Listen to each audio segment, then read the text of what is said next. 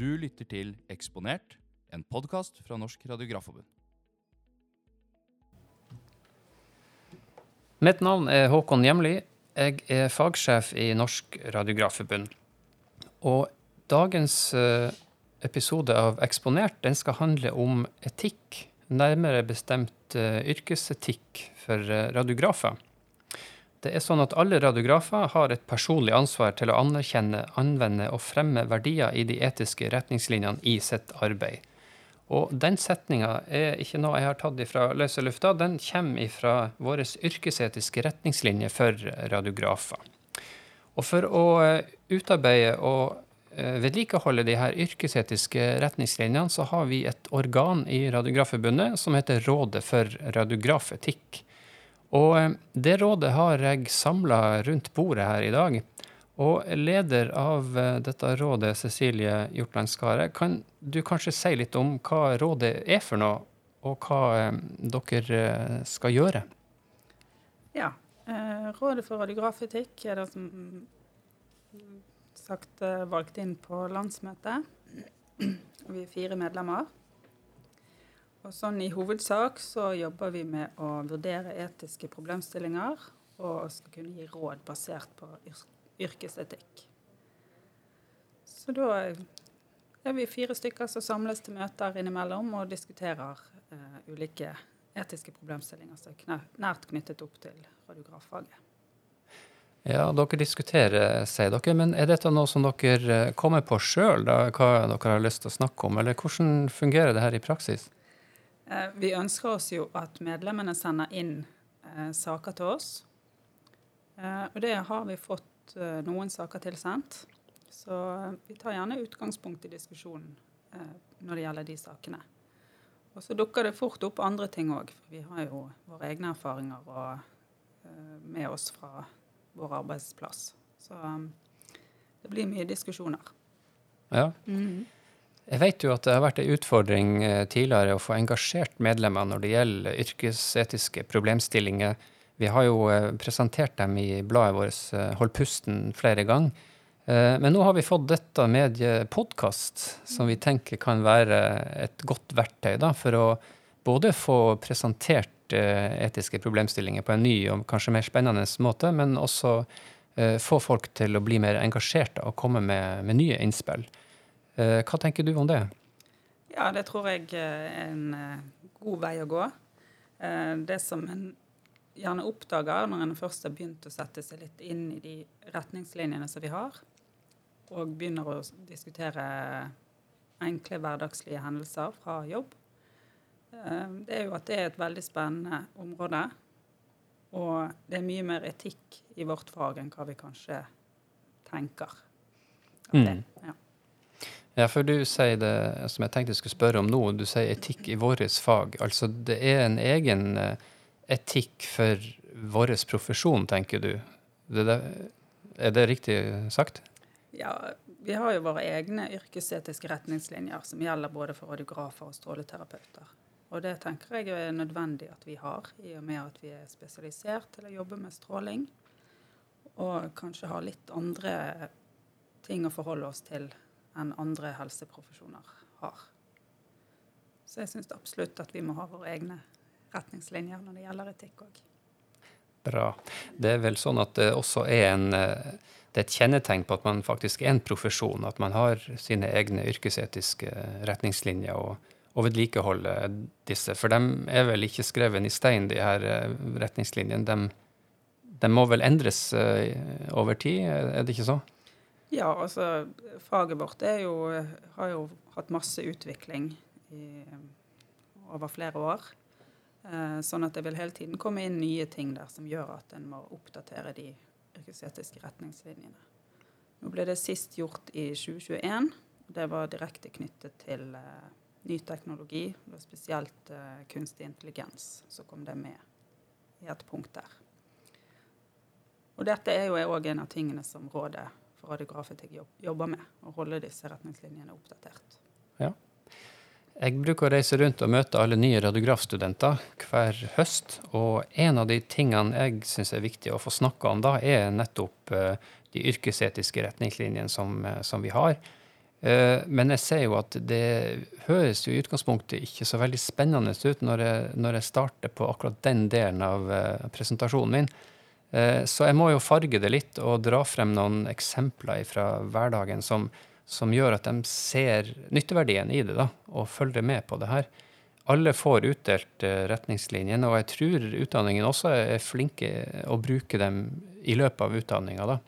Men er det noe spesielt som man kunne dratt frem her av eksempel på, på, på det jeg sier nå, som gjør at dette har faktisk nytteverdi i praksis?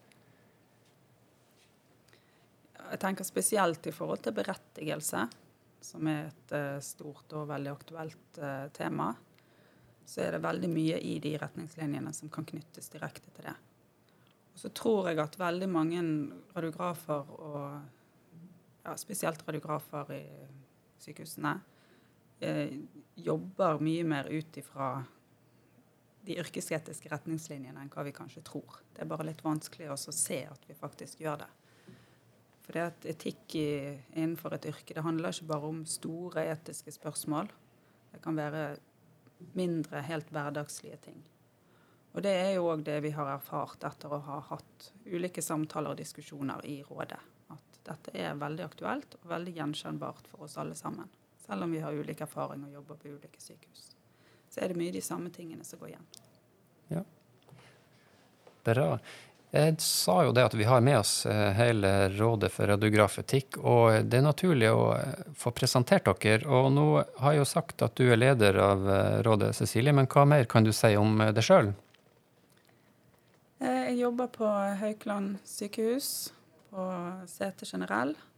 Og det har jeg vært i 14-15 år, kanskje. Så I tillegg så jobber jeg delvis på radiografutdanningen på Høgskolen på Vestlandet.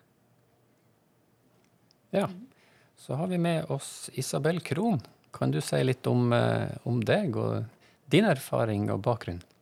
Ja, hei. Ehm, jeg eh, jobber på Haukeland sykehus, jeg òg.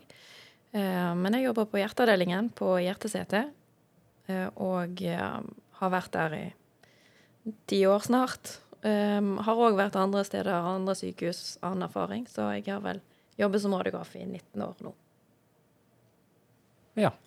Så har vi med oss en kar som heter Bård Tømmerås. Hva kan du si om deg sjøl, Bård? Ja, For tiden så jobber jeg nå på eh, altså Universitetssykehuset Nord-Norge, avdeling Harstad. Eh, jobber som radiograf i rundt 30 år. Eh, mye MR, men går nå vanlig turnus. Så er det en fjerde mann i rådet. Hvem er det?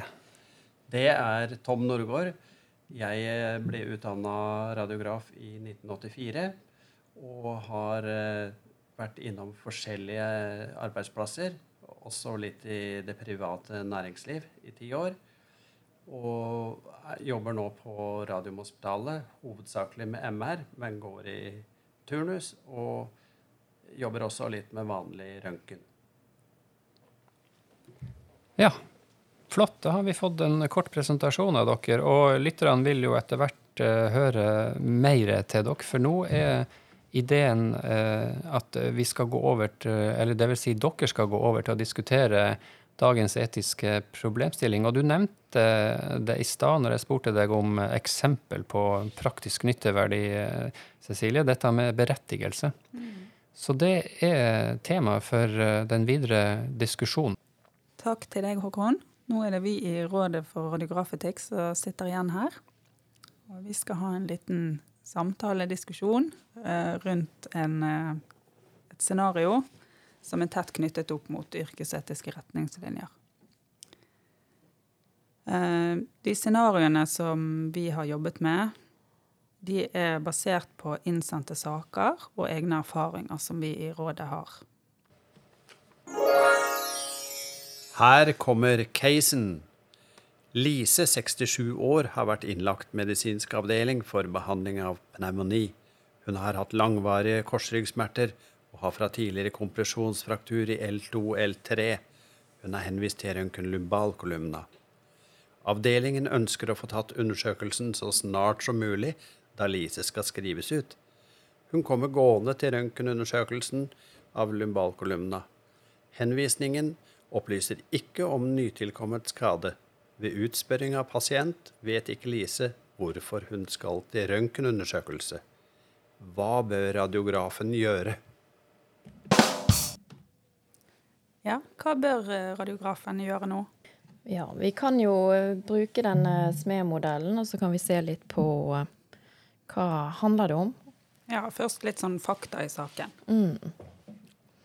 Og da har jo Lise vondt i ryggen. Hun har fra tidligere en kompresjonsfraktur og er henvist røntgen lumbalkolumna. Er det noe vi ikke vet? Ja. Ja, det blir jo sagt uh, egentlig ikke Eller egentlig så blir det ikke sagt så veldig mye i henvisningen. Vi vet jo at hun har noen frakturer fra før av, men vi vet Eller det er i hvert fall ikke opplyst om at det er noen nytilkommet skade. Og så virker jo òg pasienten litt usikker på hvorfor undersøkelsen skal gjøres. Ja. Hvis vi ser videre på SME-modellen, så øh, Hvem er de involverte partene? Det er altså radiograf, det er Lise, pasient, og så er det henvisende lege, sånn som jeg ser det. ja, og Lise ønsker nok undersøkelsen. Og henvisende lege skriver jo henvisningen og ønsker det beste for pasienten. Det gjør jo på mange måter radiografen òg. Ja. Men eh, det er jo vi som da er utførende part. Riktig. Så um, alle har jo litt de samme interessene. Mm. Men samtidig så er det jo kanskje litt etiske verdier som eh, er under press. Så det er neste steg i SME-modellen. Ja, Ja. det er jo altså samfunn, samfunnsøkonomisk, som da ja, podkast én omhandla, om uh, de nye retningslinjene som kom i januar. Uh, og det her med lav verdiundersøkelser. Ja. Og så handler det jo om uh, å gjøre det beste for pasienten, da både som radiograf og som, som henvisende lege, da. Men gjerne med litt ulikt fokus. Når radiografen kanskje tenker mer på stråledose og unngå unødig stråling, mens eh, henvisende lege gjerne tenker undersøkelse fremfor stråledose, da. Ja, du tenker altså det, at det foreligger en eh, verdikonflikt her. Mm. Skal vi se litt videre på lover og retningslinjer, hva de sier? Ja. Ja, der er jo det egentlig ganske mye som eh, ja. kommer inn i akkurat denne casen her. Det er det. det. Er en del av de yrkesetiske retningslinjene som vil spille inn her. Men jeg tenker sånn umiddelbart i hvert fall at den 2.5, som handler om, om berettigelse, at eh, radiografene sørger da enten selvstendig eller i samråd med annet helsepersonell for at undersøkelser skal være berettiget.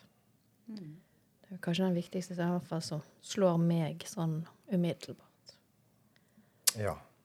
Og så er jo spørsmålet gjør vi det. Ehm, eh, da har vi sett på lov og retningslinjer og uh, ja, handlingsalternativer. Hva vi kan gjøre da. Ja, hvis vi, Er det flere lover som vi kan dra inn i dette her? En ting er de Ja. yrkesetiske retningslinjene. Er Ja, Strålevernloven, kanskje. Ja. Mhm. Absolutt. Paragraf 39 der som handler om berettigelse, tror jeg nok er den som også vil på en måte støtte oss i, eh, inn i den, eh, den yrkesetiske retningslinjen der. Nettopp. Ja. Og det er jo prinsippet at uh, all medisinsk stråle, strålebruk skal være berettiget. Mm. Og der står det jo òg noe om at en skal unngå, eller for å kunne unngå unødvendig strålebruk, så skal det innhentes tidligere relevante medisinske opplysninger, journaler og radiologiske bilder. ja. Så det tenker jeg det òg er jo en viktig del av ja, akkurat denne casen her. Samtidig så er jo dette en, en ganske typisk situasjon som, eh, som i hvert fall for min egen del jeg kan si at jeg har vært oppi. Og uh, har endt opp med å ta bildene fordi at uh, det er enklere enn å, enn å ringe, henviser og vente på svar, og vedkommende ikke på jobb osv. Så så sitter det folk på gangen som venter på å komme inn, og har ventet en time. Ja. Det er jo sånn hverdagen er. Ja. Ja, det er det, altså. Ja. Jeg syns jo vi gjør dette her på denne måten ganske ofte. Mm. Det blir oftere og oftere vi får disse typene henvisninger. Som du egentlig kanskje vet at her bør jeg stille spørsmål, men kanskje det ikke alltid blir gjort fordi at du har det tidspresset. Mm. tenker også litt på det med alder. 67, er det gammelt, er det ungt? Hvis det hadde vært et barn, så hadde jeg nok undersøkt nærmere om, Mm. hva de egentlig er ute etter. Ja.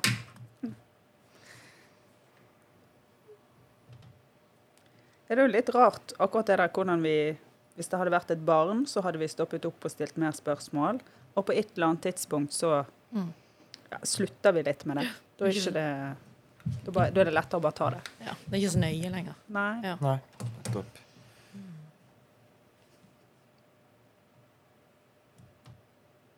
Jeg tror jo at akkurat dette her med tidspress og ressursbruk, at det har veldig mye å si for når vi stopper opp og stiller spørsmål med henvisninger.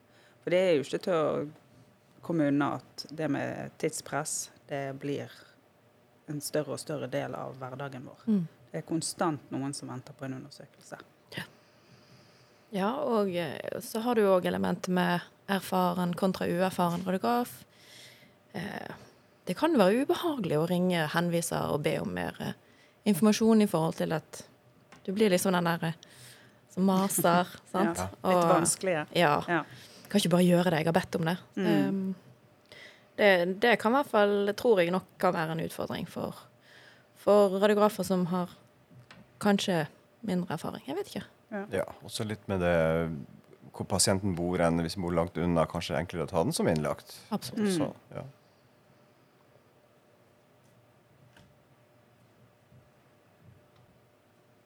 Og så kan det jo ofte være lurt, eller vi kunne jo tenkt på å kontakte radiolog.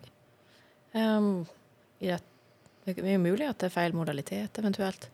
At man kunne sett på, på det sammen. Ja, at en gjør en ny vurdering. egentlig, Mm. Litt mer sammen med radiolog. Ja. Så i dette scenarioet her med Lise, så koker det egentlig ned til to ulike valg vi har. Det ene det er å så bare ta og gjennomføre undersøkelsen. Eller så kan vi ta kontakt med henvisende lege og be om utfyllende informasjon. Hva ville du ha gjort? Har du en sak til Rådet for radiografetikk? Send oss en e-post på nrf.radiograf.no. Etikk, takk!